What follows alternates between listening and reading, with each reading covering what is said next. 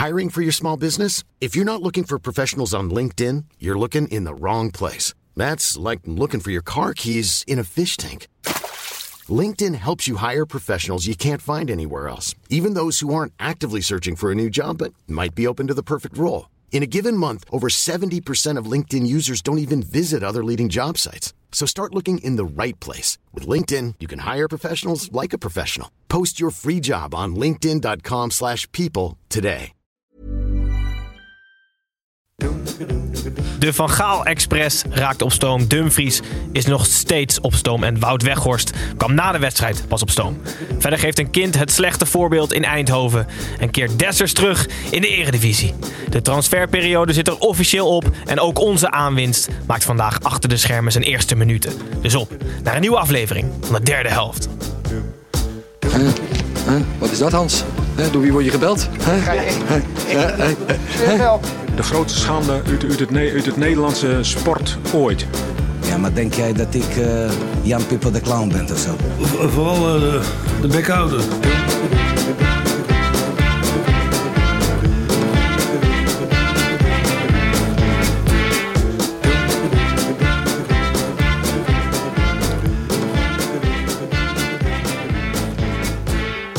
Goedenavond, kijkers van de YouTube livestream. En hallo, luisteraars van de podcast. Ik ben Gijs en welkom terug bij weer een nieuwe aflevering van de derde helft. Normaal gesproken zijn deze Interland weekenden niet onze favoriete weekenden. Maar dit keer was het wel weer echt genieten. De terugkeer van Louis. Voor het uitgebreid over Nederland-Montenegro. Eventjes over Noorwegen-Nederland. En vooral ook over de laatste eredivisie-transfers gaan hebben. Altijd eerst even naar de mannen hier aan tafel om te beginnen bij onlangs gecontacteerde Pepijn. Eh, welkom terug Pepijn. Je hebt behoorlijk wat over je heen gekregen deze week, zei je. Ja, het is nogal wat hier, hier aan tafel zitten. Nee, proost Snijboon. Ja. Ehm, nee, mijn schoonbroertje die werd afgelopen maandag gebeld. En eh, ze vroeg aan hem... eh hey, eh, die goos van de derde helft, die, die, gaat toch met je zus? dus hij zei, ja, wat dan? Sivkovic. Is hij wel helemaal lekker in zijn paasei? Ja, en volledig terecht. en vervolgens kreeg ik nog echt een stortvloed aan berichten over mijn suggestie voor Sivkovic. Dus ehm, gelukkig hebben ze Feyenoord het niet opgepakt. En, Nee, want jouw eh, jouw jouw idee was dat Feyenoord Sivkovic als spits zou halen. Nou, ik zocht naar een, een transfervrije Nederlandse spits die niet te oud was. Dus ik kwam, logischerwijs kom je dan bij Sivkovic uit. Maar dat werd dus niet, eh, niet goed ontvangen. Maar goed, ze hebben gelukkig Dessers gehaald. Stukken beter, hè?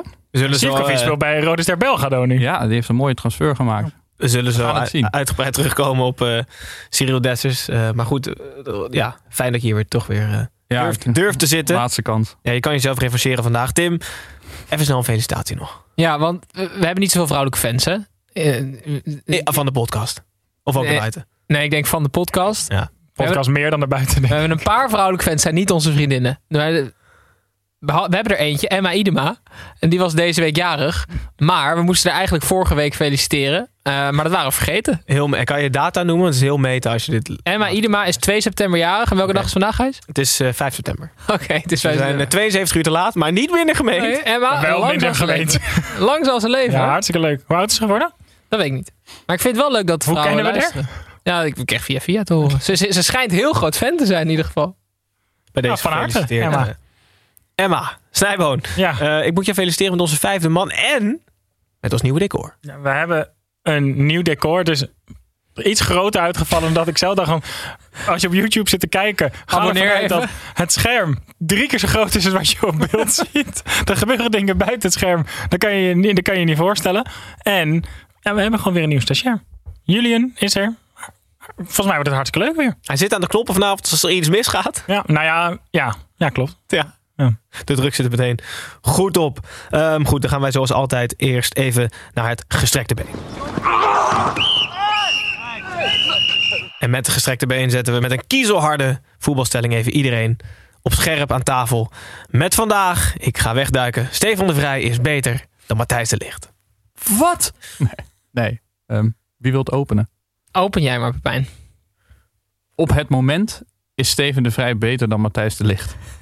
En ik weet niet of ik het mag zeggen, maar je wordt beoordeeld op je laatste wedstrijd en dan is Steven de Vrij beter dan Matthijs de Licht. Maar hij is sowieso is hij gewoon beter, Stefan de Vrij. Alleen de licht heeft toch gewoon meer potentie?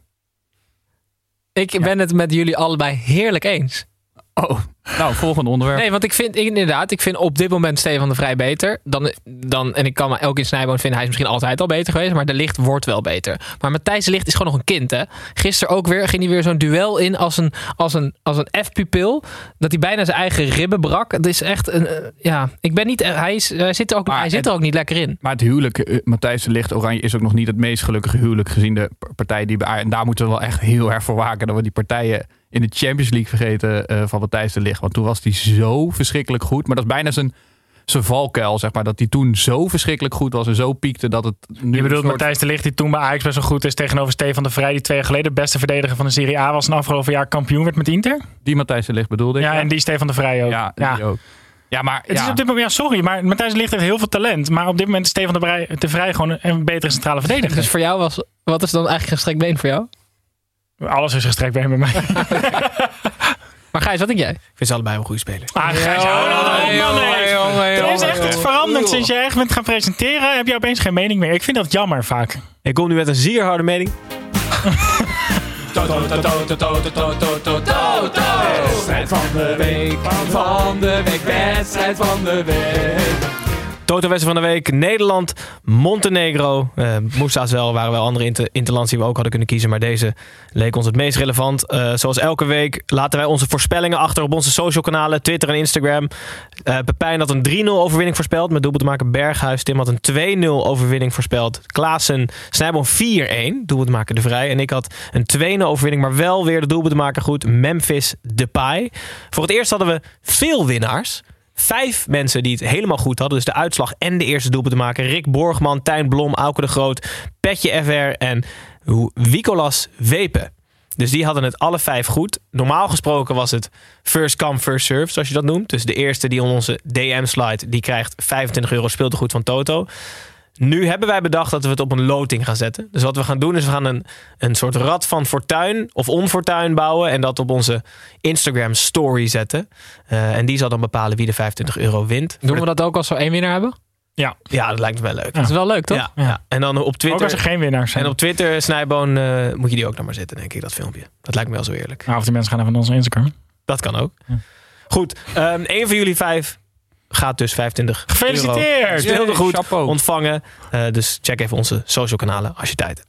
Ehm, voor het eerst in jaren was er weer een interland in Eindhoven. Het Nederlands elftal had geen idee waar ze waren en leek het eerste kwartier in de war. Een verwoestende penalty van Depay gaf het setje in de goede richting. Waarna Oranje uitliep naar een prima 4-0 overwinning. Ehm, na deze 4-0 overwinning kwam Wout Weghorst pas binnen de lijnen om in zijn eentje nog wat sprintjes te trekken. Ehm, hij raakte dus pas na de wedstrijd op stoom. Pepijn, om te beginnen, helemaal bij het begin bij de opstelling. De logica lijkt teruggekeerd. Ja, en je ziet het ook aan de spelers. Ook afgelopen eh, week tegen Noorwegen al. Toen, toen was het gewoon niet sprankelend. Maar vooral eh, afgelopen zaterdag. Ze, ze hebben gewoon weer een idee wat ze moeten doen. Kijk, het is niet allemaal goed en het is niet allemaal geweldig. Maar de spelers lopen gewoon op de juiste plek. En er zit een idee achter. Al die jongens hebben heel hun leven lang in de jeugd geleerd 4-3-3 te spelen. Nou, sommige spelers zullen nu al wat anders spelen. Maar het, het klopt gewoon weer. En dat zie je aan die spelers dat ze, dat ze met vertrouwen staan waar ze moeten staan in het veld. En dan klopt ook nog redelijk de poppetjes die hij wegzet. Dus gewoon een linksback op de linksback-positie en een linksbuiten op die linksbuiten-positie. Dus dat vind ik eigenlijk wel heel geruststellend. eh, heel Het maakt het wel veel saaier. Bij de boer kon je makkelijk twee uitzendingen maken alleen over de opstelling altijd. Ja, ja, ja, ja. Maar uiteindelijk zitten we er natuurlijk chauvinistisch als we zijn voor, Ne- voor Nederland. Voor het beste voor het Nederlands voetbal. En ik denk, ik denk wel dat we gewoon 4-3 moeten blijven spelen. Is het niet schrikbarend hoeveel we moeten voorkouwen voor die profs?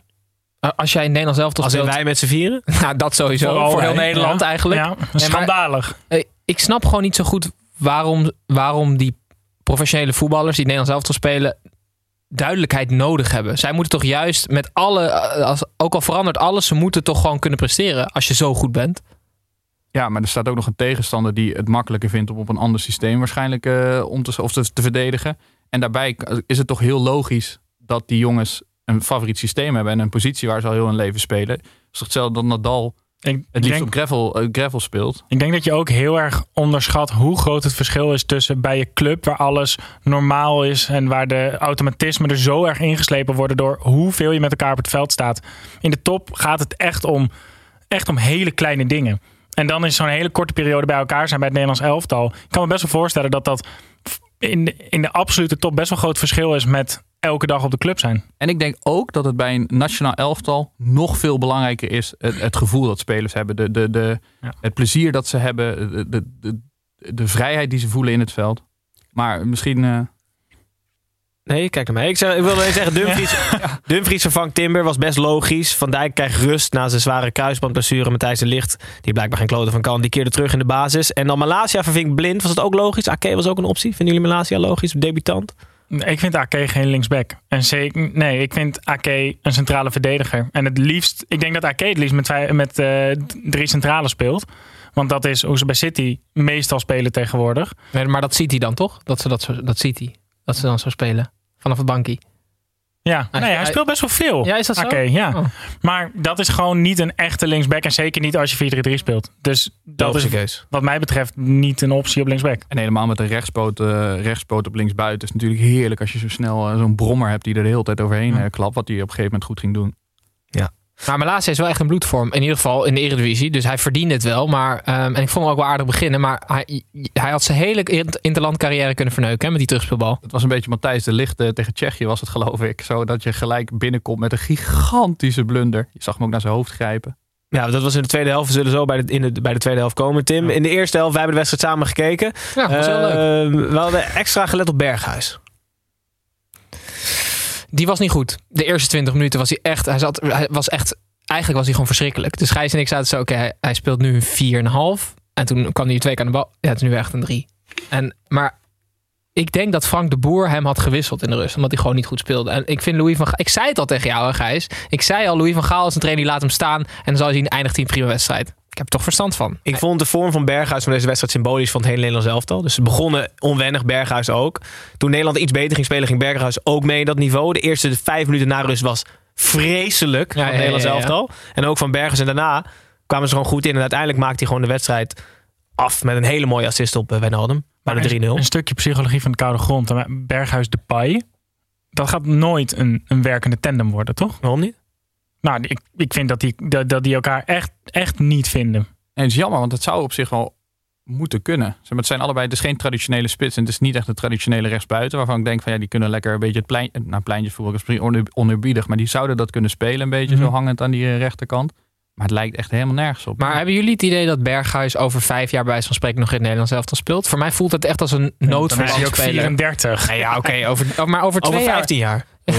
En leuk. Ik probeer een keer wat zinnigs te zeggen. nee, ik ben, ik ben het helemaal met je er eens. dan ook eens mee. het- Nee, het voelt voelt als een noodverband. Dat hij nog hierna eh, dat hij nog tien interlands gaat spelen. En dan is, dan, is, ja, dan is er een of ander snel talent eh, van Hertha BSC of zo. Wat, wat zijn plek gaat Hij innemen. kan zo verschrikkelijk goed voetballen. Het is, het is wel echt een serieuze, serieuze vormdip. En ik vraag me ook wel steeds meer af of hij echt, zeg maar, de grote ster in een team moet zijn.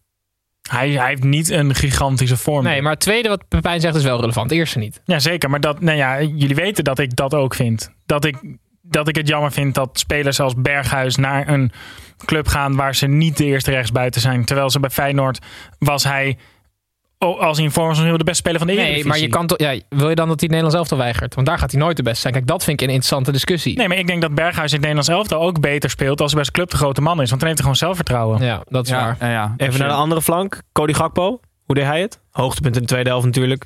Het handelsmerk. Ik ben, ja, maar ook aannames, dribbles, handelingssnelheid. Hij heeft wel die klik met de pai. Heel veel 1-2'tjes, heel veel, heel veel elkaar opzoeken aan die kant. Zo Hij, neemt, hij doet ook zijn verdedigende werk gewoon. Ja, ik hou echt, zo van echt een heel groot talent. zijn type voetballer. Gewoon een, een, hij is ook wat langer. Hij is, zeg maar, het is niet een klassieke kleine dribbelende buitenspeler, maar dat kan die wel. Dat kan die ook gewoon lekker pingelen. Dat hij gewoon zo door zijn knieën gaat, toch? Gaat hij op zijn knieën lopen. Ja, zo dan zo die schoenen zo niet. Nee, maar je zag ook hoeveel het met hem deed, hè, dat doelpunt. Wat Eerste doelpunt voor het Nederlands elftal. Op die manier in. Eindhoven. Hij was soort van, eerst dacht hij van, oh nice, hij zit erin. En dan dacht hij gewoon, oh ik heb gescoord. En toen opeens landde bij hem wat er was gebeurd. En toen werd hij zo blij nog eventjes. Ja, het was echt mooi. Gelijk daarna eruit. Helemaal prima. Ja. Maar bij hem heb ik dus wel, wat Tim zegt, het idee over vijf jaar is hij echt de hele, hele grote man bij het Nederlands elftal. Ja, maar dat heb ik dus heel lang. Ik heb gedacht dat hij te bescheiden was. Gewoon te netjes, weet je wel. Maar hij is nu afgelopen zomer, net als Anthony, is hij in één keer zo ongelooflijk goed geworden. Ja, hij was, ja, hij was wel goed ook. Ja, hij was, wel, goed, hij was wel goed, maar hij was altijd bes- bescheiden. Vond je dat niet? Jawel, maar je, ja, ja. Hij is nu veel aan het schieten en zo. En hij- Benfica uit volgens mij heel veel gewoon zelf gaan. En gewoon eh, rendement op het allerhoogste niveau. Ja, ik, vind, eh, ik ben, eh, ik ben eh, echt wel aanhanger van, eh, van Gakpo. Naast die onhoudbare penalty van de Pai was, was dit voor mij het hoogtepunt. De goal van Gakpo. De voetballend dan. Want daarna, volgens mij was het in, in minuut 85 of 86, een opmerkelijk moment. Een klein jongetje springt over het hek. eh, wat ongeveer 1,20 meter hoog was. Dus iedereen kan er overheen springen. Rent het veld op en gaat naar Memphis voor een selfie. Eh, Memphis laat het toe en duwt de jongen daarna dringend of verdringend verzoekt hij hem toch weer plaats te nemen. Eh, dit was wel het startschot van allemaal volwassen mannen die ook door hadden dat het hek niet hoog was. En ook allemaal ineens het veld op gingen rennen. Wat was dit? Nou, ik, jij zei tegen mij dat die jongen vandaag ook bij jeugdjournaal is geweest. Ja, dat is zeker. Ik, kijk- ik kijk het jeugdjournaal. Ja. Ja. Je kijkt ook het echte journaal? Nee. ik, ik vind dat dus gewoon heel erg. Zeg maar, het deed mij gelijk denken aan Willem Holleder... die bij College Tour werd uitgenodigd door Twan Huis. Ja, bij mij deed dat ook precies Ja, aan denken. Want die gozer heeft gewoon de regels overtreden. En er komen allemaal, allemaal volwassen Nederlands elftal fans. Nou, die zijn niet echt volwassen. Maar die komen daar allemaal het veld op rennen omdat die gozer dat doet. En dan vervolgens wordt hij op een podium gehezen en wordt hij geïnterviewd. Maar ik las dus wel net dat een torenhoge boete voor hem niet is uitgesloten. Nou, dat, daar, mooi zo. 15.000 euro Ja. en een Maar levenslang ik, hoop dat, ik, hoop dat het jeugdjournaal, ik hoop dat het jeugdjournaal goed betaalt dan. Nou, ik kan, jongen ik kan is vertellen, dat doen ze niet. ik heb daar gewerkt. Snijbo, die jongen die is 13 jaar oud. Die Ja. als een groot idool toe. Misschien moeten ze wat zeggen van die gemoedelijke beveiliging daar in Eindhoven. Dat die dat even tegen hadden moeten houden. Nee, die gozer moeten... Ja, nou, ja, nee, ik word er gewoon moe van. Ook Ik van die er mensen met, met die mensen met dat kartonnen bordje van mag ik je shirt en zo. Houd toch op, man. Doe gewoon normaal. er staat ik geen boete op overigens. Nee, maar ik ben... Nee, je dat zou moet wel moeten. veld- Dat zou ook moeten. 15.000 als je een bordje Je meeneemt. moet dat veld niet oprennen, maar Nee. ja. Nou, ik, ik En je moet zo'n jongen ook niet uitnodigen bij het jeugdjournaal, maar... Nou, dus eigenlijk ben je het met me eens. Eigenlijk is het... Ja, ja. Wat was je volgende zin? Maar laten met rust. Nee, nee. Ik geniet wel altijd van de momenten dat stewards dan achter mensen aan moeten. En die hebben dan altijd pakschoenen aan zonder enige grip. En Ja. gaan, bij elke afslag gaan ze op een bek. Ja, maar die, die veldbestormers hebben dat nooit. Dus wat hebben die dan? Die hebben dan gewoon voetbalschoenen aangedaan of zo. Ja, ik denk dat die kicks mee hebben. Dat kan niet anders. Het leukste is als er zo'n deuntje onder staat. Als je ze dan zo elke keer ziet missen. Maar het kan alleen achteraf, hè. het is niet live. Of tenzij iemand met een box erbij staat. Nou, Emiel Schelvis zong ook mee met het Italiaanse volkslied. Oh ja? Dus wie weet kan ook iemand live zo'n kermismuziekje inspelen dan. Goed, laten we deze wedstrijd even afsluiten. Nederland wint 4-0. Doet goede zaken in de groep. En voor het doelsaldo, wat uiteindelijk doorslaggevend Welke is. groep? In de kwalificatiegroep. Oh, groep N, zei je. Nee. Oh. Oké. Nee, groep. En? En? Oh, oké, oké, oké. En ik, ik heb nog heel even. Eh, eh, We zeiden vorige week, we hebben eigenlijk wel zin in het Interlandweekend. En het heeft zich wel helemaal uitbetaald, vind ik. Het, het Interland, zeg maar gewoon een vergaal die gewoon echt heel erg lekker in zijn vel zit. Een Nederlands elftal wat weer een beetje een glimp geeft eh, van wat het zou moeten zijn. Maar Van Gaal is toch gewoon letterlijk achter de geraniums weggetrokken. En voor, om bondscoach te worden. Dus hij vindt het heerlijk. Hij is zo blij. Ja. Maar hij ging, ik, mijn hoogtepunt, ik heb het, nou ja, kijk, ik, heb, nou, ik ga deze aflevering gewoon, ik ga geen vrienden maken waarschijnlijk. Maar ik heb dus echt helemaal niks met de Formule 1. Ik vind dat zo verschrikkelijk, Oh jee. hemeltergend saai. En eh, Van Gaal, die liep naar Frenkie de Jong toe na de training. Ehm, en die was op zijn telefoon aan het kijken naar allemaal dingen over Max Verstappen. En, en Van Gaal, die zei gewoon precies wat ook in mijn hoofd zit. Die zei, vind je dat nou leuk? Die het... nieuw, nieuw. En ik ben het daar gewoon helemaal mee eens. Het is niks anders dan auto's die gewoon langs je rijden. Louis van Gaal geen fan van de Formule 1 blijkbaar. Maar ik ben het wel met jullie eens dat zijn vrolijke uitstraling straalt gewoon af op alles en iedereen. Als je tv kijkt en je kijkt een interview met hem, dan denk je: Jezus, wat is dit leuk. En wat geniet hij ervan en wat genieten wij ervan. En die spelers zijn blij. En de journalisten vinden het zelfs leuk om te interviewen. Het is gewoon altijd spektakel. Ja, maar het, eh, hiervoor hadden ze Frank de Boer.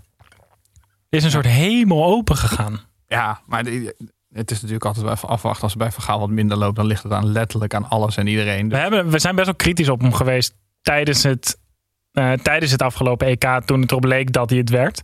Waren we er eigenlijk allemaal niet zo'n fan van. Nee. Dat het, het is geen nieuwe... Nee, ik ben nog steeds niet fan van de keuze, maar ik vind het wel leuk nu die het is. En ik, hij heeft denk ik 11.1201 eh golfbanen, golfholes gespeeld. Mm. Zijn leven was gewoon saai, dus hij is, hij is helemaal opgelucht dat hij bij Truus is Hij weggetrokken. kwam er nu ook achter dat Truus helemaal niet zo leuk is als je heel vaak bij er bent. Heeft hij lang nodig gehad om achter te komen, vijf jaar. Maar goed. Ehm, Nederland doet goede zaken in groep. Maakt niet uit. Ik weet niet welk nummer het is. Maar in ieder geval in de groep spelen dinsdag de kraker. Aanstaande dinsdag Is tegen, het een Turk- nummer of een letter? tegen Turkije. Ehm, ja, we- moeten we daar nog iets, kunnen we iets zinnigs over zeggen? Ik haat voorbeschouwing altijd. Dus zullen we gewoon afwachten wat het wordt in plaats van hier, hier loze voorspellingen op los te laten? Laten we We dat niet moeten doen. wel echt winnen. Ja, 100% We moeten echt winnen. Ja, we gaan winnen. Nee, Toch een loze voorspelling. Ja, we doen geen loze voorspellingen. Eh, wel wat ze voor die wedstrijd nog even gaan doen, denk ik, is droog trainen. Eh Pepijn, heb jij dat wel eens gedaan met RBC in Helmond? Leg even uit wat het is. Ik ben niet echt droog getraind. Maar eh, ik, ja, Van Gaal die was op de persconferentie aan het uitleggen. En ik viel bijna van mijn stoel. Het is, ze hebben dus... Heb jij zo'n schommelstoel? nee, maar zo erg zijn niet droog getraind. Dat gebeurt vaker namelijk. Nee, maar ehm, ze doen dus de, de spelhervattingen. Ze, ze hebben een bespreking dan in een zaal in het hotel. Een redelijk grote zaal. En dan gaan ze weet je, een beetje beelden kijken en de opstellingen, opstellingen doornemen. Maar dan, dan ehm, omdat eh, Louis van Gaal de tegenstander niet te veel prijs wil geven, hoe hij bijvoorbeeld corners verdedigt. En eh, heeft hij dat binnen in dat zaaltje, gaan ze dan dat trainen. Dus gewoon in een, in een zaal in een hotel. Dan gaan alle stoelen en bankjes gaan naar de zijkant. En dan staan ze dus in zo'n zaal, gaan ze gewoon klaarstaan alsof er een corner genomen gaat worden en een vrije trap genomen Zonder bal. Dus moet je nagaan dat je daar in zo'n Ja. zaaltje in een hotel zo, zo'n zo'n muurtje staat na te doen. Maar moet je dan ook koppen? Is het dan net zoals dat als je vroeger oorlogje speelde, dat, dat je zei pieuw pieuw en dat je dan zei jij bent dood en dat iemand anders dan riep nee je hebt me niet geraakt en zo? En is er ook iemand grens dan bijvoorbeeld? Weet ik, ja, misschien van Gaal zelf. Is er wel. ook een muurligger dan in die zaal? Ja. Ligt Klaassen daar de hele tijd op het tapijt? Doe hem nog één keer, Davy. Ja. Ja, Ongelooflijk. wat is dan trainen dus, ja. is Bijlode dan ook? Ja, ik denk, ik denk de hele ploeg. En hebben ze dan tenue aan? Scheenbeschermers ook? we moeten hier meer over te weten. Ja, En hebben ze dan Serieus? jassen neergelegd, vast palen wat is dan het, ja, of, of hebben ze dat met kratjes gedaan van dat hotel? Ja, ja. En als je als aanvallende partij dan scoort, mag je dan zelf claimen of je scoort of niet? zou Ja, doet dan ook- dat dan? De bankspelers dan ook gewoon zeg maar, op de namaakbank, zeg maar, in dat hotel, op de namaakbank niet eens mee mogen doen met het droogtrainen in de, in de hotelzaal. Nee, ik denk niet. Want die moeten daar gewoon zitten. Het moet echt gesimuleerd worden. Nou, Ja, af en toe, af en toe veldbestormer. Ja, nou, leuk. Komt er iemand uit de kantine rennen?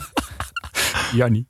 Ik wil hier heel graag meer over te Ja, weten komen, ik maar ja. ik denk niet dat we dat ooit gaan Maar er krijgen. zijn beveiligingscamera's sowieso Ja. in, die, in die halletjes. Pepijn, ik wil graag dat jij hier achteraan gaat. Ik, ga, ik, ga, ik kom met meer informatie. Ja, dit is echt dit is een afstudeeronderwerp. Ja. Op, op, op heel veel vlakken. Ja, ja ik, ik, ik heb het nog nooit mee. De, de, eh, Steven de Vrij had het ook nog nooit meegemaakt. Maar bij RBC sliepen jullie nooit in hotels die groot genoeg waren om een muurtje neer te zetten, toch? Nog heel veel naar tegenstanders. Snijboon tijdens, alleen de tos nadoen. Snijboon tijdens de EK was je altijd advocaat van de duivel. Was je altijd eh, de analyticus van de tegenpartij. Uh-huh. Eh, die baan heb je honen terzijde geworpen. En terecht. Ja. Nu Servië Heb je die spits gezien van Montenegro of niet? ja, ja, die drie opgelegde kansen kreeg van Oranje. En ze allemaal misten. Ik zeg nog 4-1. Ik denk die maakte wel eentje. Ja, helaas. Eh Savic was iemand die ik vaag, bekend, vaag kende. En Jovetic miste bij Montenegro. Maar opvallende verschijning op rechtsback. Wie ben jij? Ja, ik ben Willy Lee en jij René. En samen zijn we altijd met z'n tweeën. Wil je, wil, wil Ja, je- als ik het moet zeggen, dan blijft het heel Nee, ja, lang Snijboon, stil. hij vroeg het aan jou. Nee, maar ik, ik weet oprecht niet wat het wordt. Nou ja, normaal gesproken staat linksachter bij Montenegro natuurlijk Vukcevic. Ja, ja. Eh, Marco, hè? ja, Marco staat er natuurlijk altijd. Marky, voor Intimi. Mark. Eh, maar dat was nu niet zo. Ehm, want ehm, die deed namelijk bij een Expeditie Robinson. En Oh, Nederlandse geworden. versie. Ja, Nederlandse versie. Ja. Oh, ja, dus nu deed iemand uit Nederland deed dan mee met Montenegro. Die stond linksback.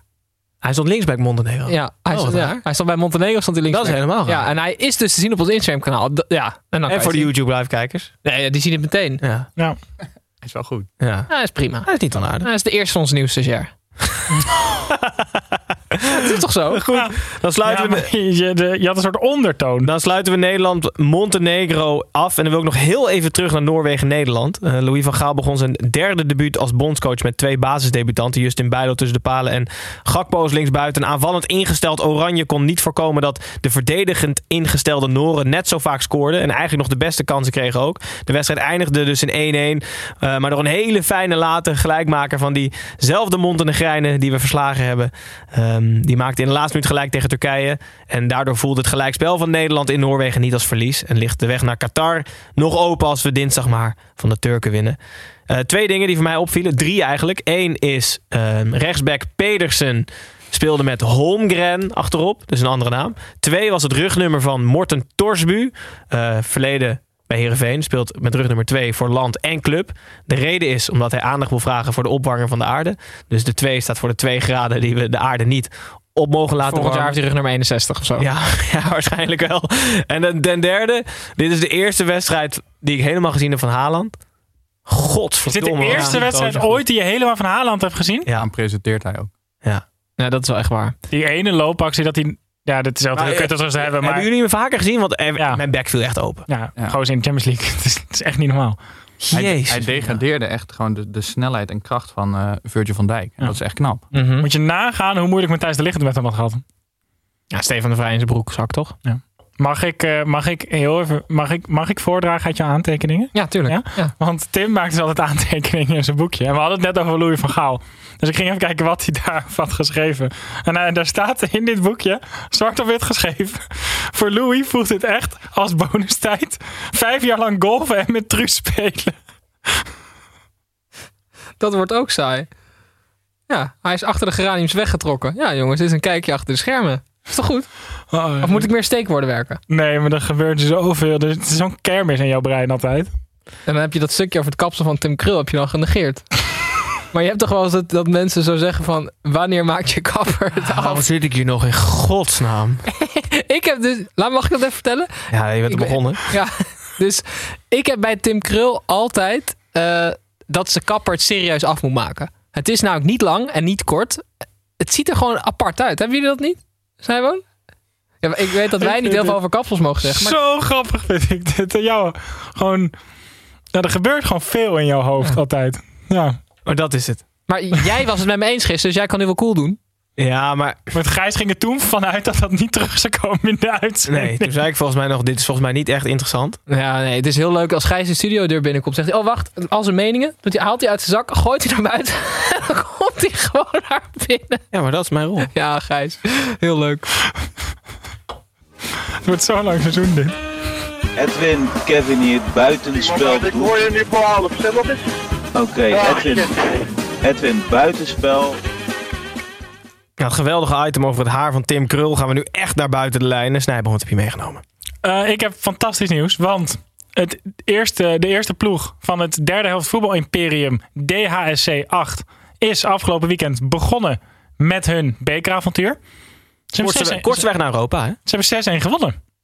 6-1. Ja, en ik heb even gevraagd Zouden aan... zij eh, Europe, Europees voetbal kunnen spelen of kan dat niet? Als ze alles winnen in de beker? Nee, volgens mij niet. nee, het volgens is een mij- amateurbeker. Ja. Ah. Nee, maar als je de halve finale van de amateurbeker haalt van de eerste teams. Sorry, Ja. ik wil graag even naar de samenvatting van de wedstrijd. Heb je nog iets over het eh, kapsel van Tim Krul? Nee, heb ik niet. Het was eh, superheet en dat kon je merken aan het spel van DHC 8. In de eerste ze kwamen 1-0 achter. Eh, het was stroperig. Na de drinkpauze ging het beter en kwamen ze op 1-1 vol rust. Eh, in, de, in de rust oogde de tegenstander uitgeblust. Uiteindelijk hadden wij de lange adem en meer wissels. En toen werd het een walkover. En bijzonder, de Italiaanse, pro- de Italiaanse proefspelers waren on fire. Drie goals van hun voeten. Tussen haakjes. Ex-Serie D. Oh, serieus? Ja. Dus kan zijn dat ze het geld dat wij hebben gegeven voor de bedrukking, dat we nooit een shirt met ons logo gaan zien, maar dat er wel drie ex-spelers van de Serie D zijn betaald. Maar die shirtjes die komen deze week, toch? Die zijn er nog niet. Nee. Ja, dat is leuk. 6-1 winst. Hm. We worden wereldkampioen. Ja. We kunnen er nog niks van zeggen. Nee, dat is waar. Het is nog wel vroeg. Vroeg in het seizoen. Maar ik bedoel geen kritiek leveren.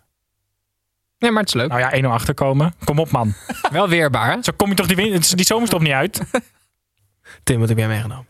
Ehm, ja, dat was heel erg leuk. Ronald Koeman, die, ehm, ik zat op Twitter en die heeft vanochtend om om precies 10 uur deelde hij een link van YouTube met eh, een paar uur aan eh, aflevering van Peppa Pig. Eh, Peppa Pig. Peppa Pig.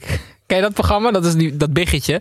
Eh, en dat, Koeman heeft dus een kleinzoon of een kleindochter en die ongetwijfeld dat hij op zijn iPad zat. Maar dus Ronald Koeman op Twitter deelt een compilatie van Peppa Pig van een paar uur. En dat, dat vind ik sowieso best leuk. En de Spaanse media gingen er dus dingen achter zoeken. Dat is, dat is heel vet. Dus die dachten van, het zijn verwijzingen naar de situatie met Ricky Puig en zo, weet je wel. Gewoon helemaal zo. En eh, ja, ik vind het gewoon heel grappig. En, en Koeman heeft het ook meteen verwijderd. Dus ja, ik zie gewoon dat het kleinkind gewoon op Twitter gewoon Peppa Pig tak op dat Twitter icoontje Misschien was het gewoon in flex wel. Ja, nee, sowieso trouwens. Nee, ik vind het mooi. Ik vind het leuk. Ah. Of waren het echt verwijzingen naar, denk je naar? Nou, ik denk dat het iets met Qatar te maken heeft.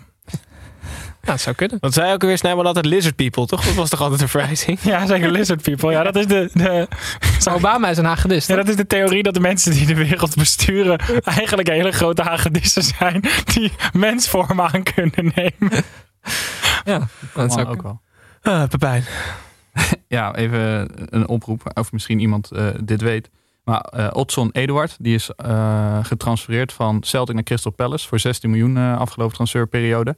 Eh, maar hij heeft nog een openstaande rekening. Want hij heeft eh, vier jaar geleden, toen hij bij Toulouse speelde, eh, is hij de straat opgelopen en heeft hij een willekeurige persoon met zo'n eh, luchtbugs in zijn gezicht geschoten. Of laat, en die persoon die is doof geworden aan één oor. Misschien was het trouwens wel Stekelenburg lief daar in Toulouse. Die gaat er wel vaak op vakantie, ja.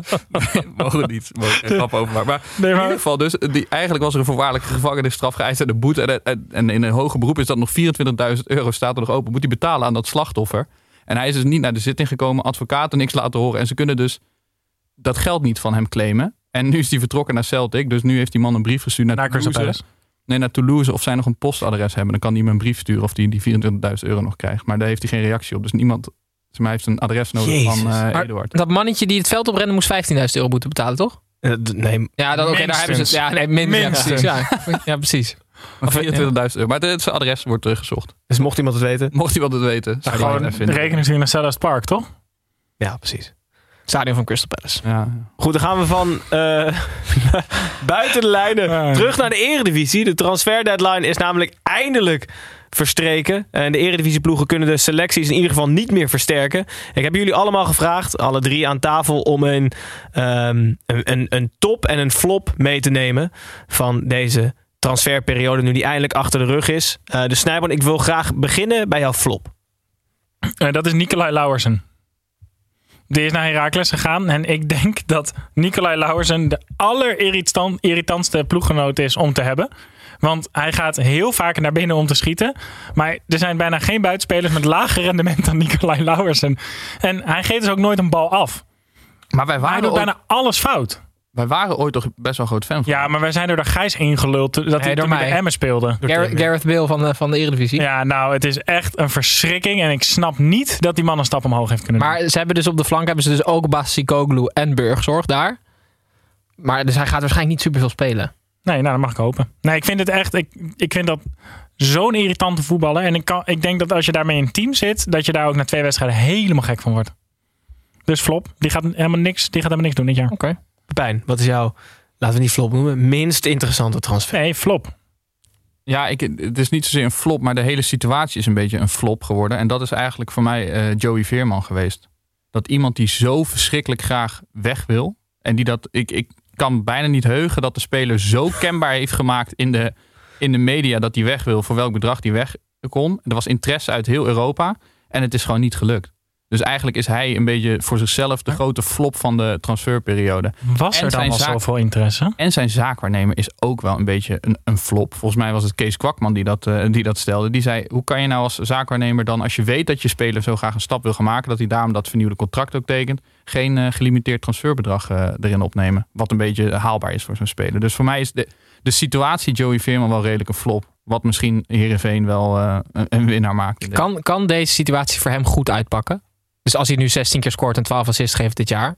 Of, of, of zie je dat gewoon niet gebeuren? Nou jawel, ik denk wel dat die, dat die jongen rustig en, en verstandig in zijn hoofd is. Dat hij gewoon eh, vol ervoor gaat bij Heerenveen en gewoon een goed seizoen eh, gaat spelen. Lijkt me geen speler die, eh, die weigert nog eh, op te komen dagen op training en dergelijke. Maar je gaat er niet beter van spelen. Nee, dat, dat, dat zie ik ook niet. Dus hij gaat dit jaar niet het beste van zichzelf laten zien. Want als hij goed is, dan had hij dus nog beter kunnen zijn. Hij heeft zijn contract tot 2025 of zo getekend. dat is ernstig lang, ja. Ja, dus dat is wel, dat is wel hij, moet, hij moet echt nog wel even als ze, hem, eh, als ze hem nog houden. Maar ik hoop dat hij gewoon weer dan maar een heel erg mooi seizoen... eh, Je moet de hele jaar bal op Henk Veerman geven weer, zeg. Wat erg. Hebben jullie het idee dat hij beter kan? Of was dit het bij Heerenveen? Dat hij echt een andere omgeving nodig had om nog beter te worden? Nee, bij, bij Heerenveen is hij volgens mij op voetballend gebied zeker wel uitgeleerd. Dat denk ik ook. Ja.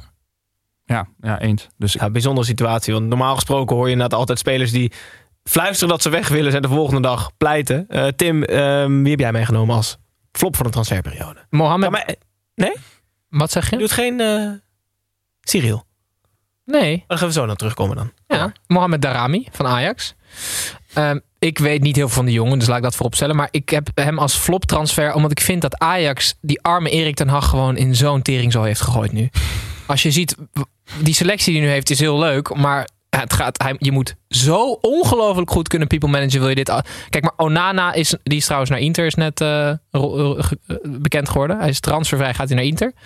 Maar in Maar de, in de, dus ze hebben nu een mondelingenkort dus volgend jaar. Maar je mag er nog helemaal niet met een speler praten voor januari. Ja, maar je mag ook geen drugs Nee, gebruiken. maar tijdens het gaat hij niet... Gijs. jongen, jongen, jongen.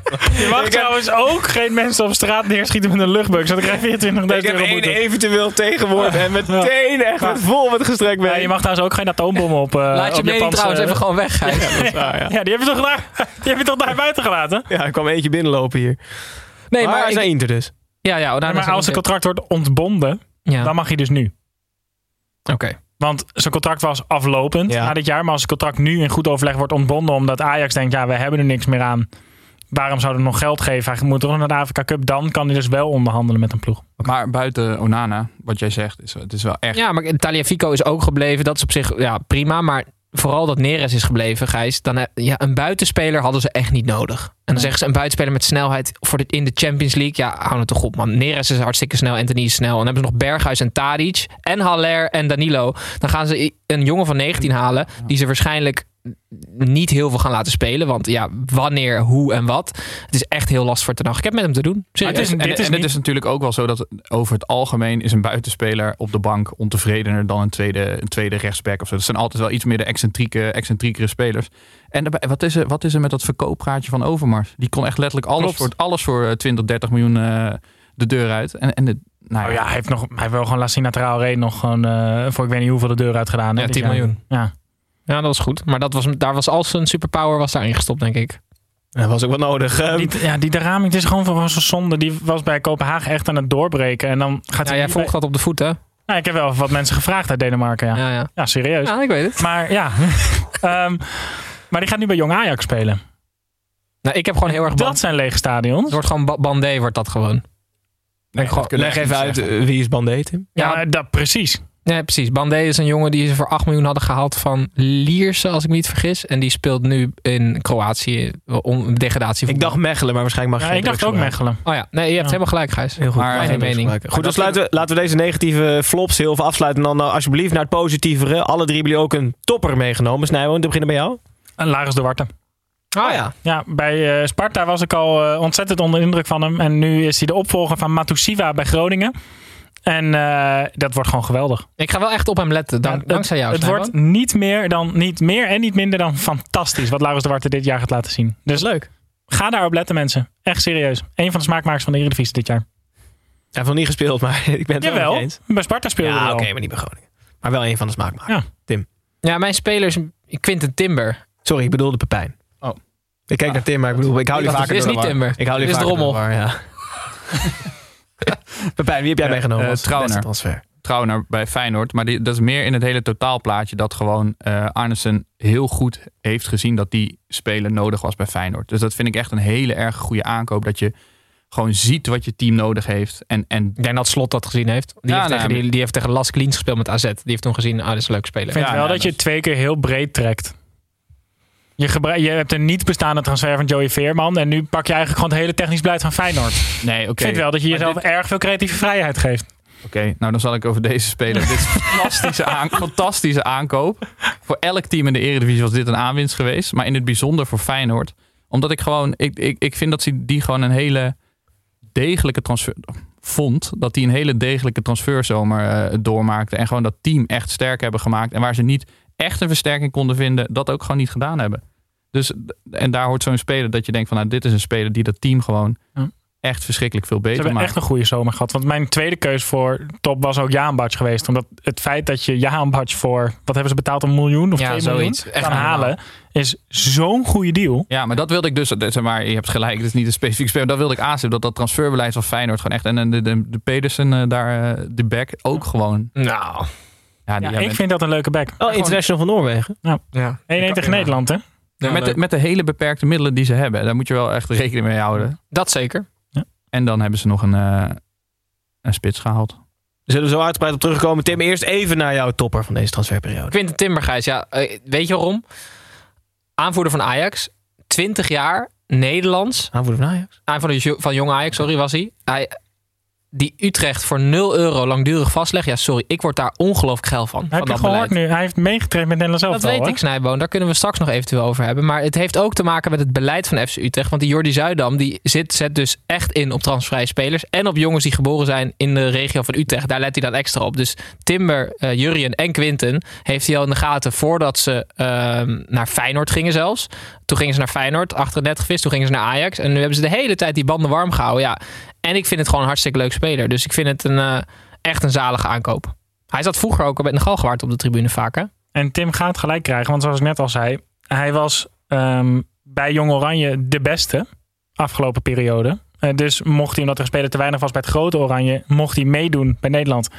Als je bedenkt dat hij vorig jaar bij Jong Ajax speelde en nu de beste van Jong Oranje was, waardoor hij met de grote Oranje mee mocht doen, dan is die jongen wel echt stappen aan het maken. En hij is volgens mij tot 2025 vastgelegd of zo. Hij heeft Ajax gewoon niet gelukt om hem eh, te verlengen? Nee, ze wilde niet omdat. Of, nou, hij, zij wilde wel. Eh Ten Hag is er ook echt ziek van geweest. Maar Timber wilde zelf niet, omdat hij zag van Alvarez, eh, Martinez, ehm Kudus, Kla, weet je wel, op het middenveld was gewoon geen perspectief. Nee. Nou is het gewoon klaar. Gravenberg zit er nog als jonge jongen. Het is wel weer een miljoenenmakertje geweest dit. eh. Dat denk ik ook.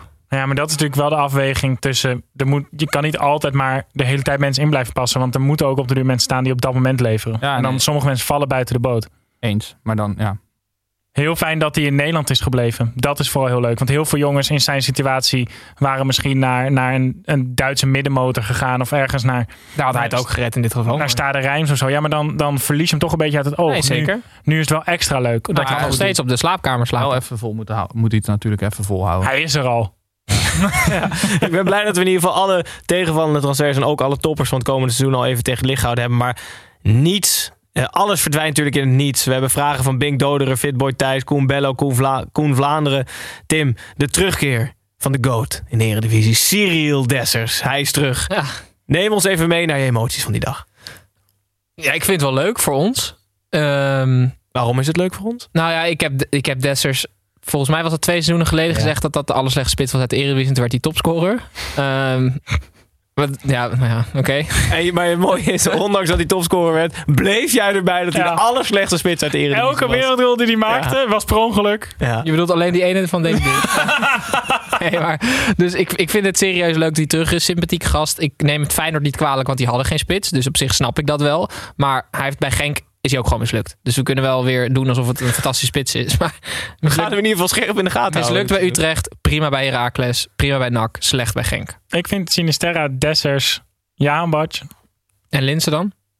Nee, ja, ik, ik denk, ja, maar ik ben niet zo'n fan van zo'n valse negen. Dus ik zou maar- eerder met een echte spits spelen. Dus die drie voorin, dat, ik vind dat gewoon hartstikke leuk. Oké, okay, Snijman. Eens met Tim dat het wel echt heel veel leuker nog maakt. Ik heb er echt veel zin in dat hij weer Ja. gaat schitteren. En het is wel, misschien wel leuk om te weten voor de mensen. Maar hoop jij nu dan dat hij het goed gaat doen? Ik, Heb je liever gewoon dat hij ik het hoop goed gaat doen en niks. dat het ik een ben gewoon helemaal wordt? neutraal. Nee, ja, maakt toch Jij niet bent uit. nog nooit neutraal geweest in je leven, man. Nee, maar onze, onze stagiair, eh, vorige stagiair, eh, die heeft eh, een sjaaltje van Dessers eh gefotoshopt in ons decor. Dus voordat de transfer rond was. Dus het is eh, schitterend. We zullen het zien. Ik gierend sympathieke vent, hè? Ja. Dat maakt het nog leuker. Ja, of zo die er 35 in schiet dit seizoen. Dat lijkt me echt fantastisch.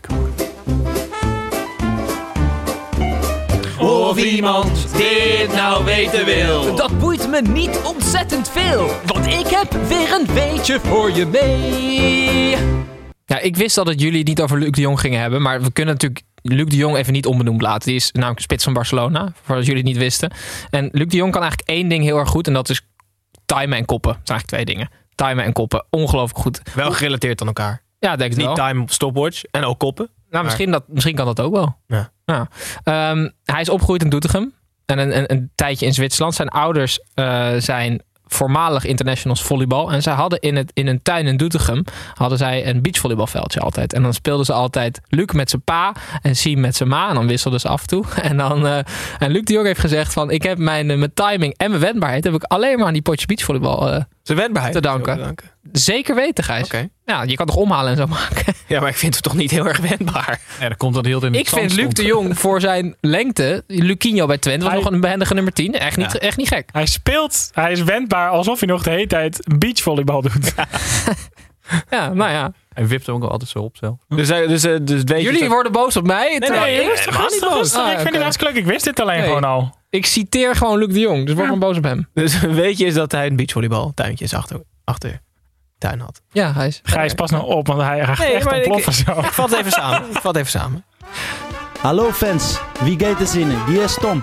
Voor die ontplof, gelukkig zijn we bijna aan, de- aan het einde van de aflevering. En sluiten we nog even af met Fan Talk, waarin we vragen van luisteraars beantwoorden. Eigenlijk was er maar één die eruit sprong. Snijboom, gefeliciteerd. Jullie zijn een week ongeslagen. Jullie blijven nog volgens mij minimaal een week ongeslagen. Maar Groeneveld Bas wil weten wat je masterplan is om Arsenal weer bovenop te helpen. Ik wil eerst even zeggen dat we deze week achter gesloten deuren hebben gespeeld tegen Brentford. Waar we 2-0 verloren in de eerste competitiewedstrijd. 4-0 gewonnen. Dus Nice. 4-2 on aggregate. Ja. Ja. Ehm, ik zet al Heb mijn geld op in... eh, hm? Heb je gekeken? Nee, het was echt wel achter gesloten deuren. Ik heb nog gezocht, maar ik kon echt niet zien. maar... ehm, ja, Het de, erge zijn weet het ook nog dat hij een schappelijk potje ja. wil kijken. Goed. Ga je huilen als ze degraderen? Ja, serieus hè? Maar, ja, ik- nee, ja, ik denk het niet. Ja, Ik echt het niet. Maar hij sluit het niet uit. Nee, nee. Ik denk het Ik wel. sluit het Ik niet uit. Ik denk, Ja, ik zet of in op een Qatarese prins. Ja. Die gewoon miljarden erin pompt. Of die jonge jongens die we nu gekocht hebben, die gaan heel snel de weg naar boven inzetten.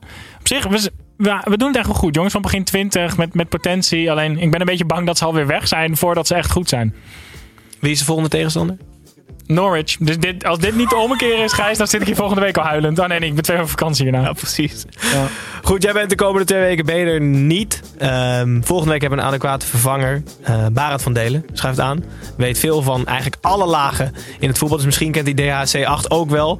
Wie weet. Ehm, nou goed, de Vergaal Express gaat hopelijk nog richting Qatar. Eh, volgende week zondag zijn we er weer. Dus we gaan Nederland-Turkije niet bespreken. Want volgende week is er weer volle bak. Eredivisie. Gelukkig Cyril Dessers zal zijn hattrick maken. Dan kunnen wij hier van genieten. Kijkers, dankjewel voor het kijken. Luisteraars, dankjewel voor het luisteren. En hopelijk dan tot volgende week zondag.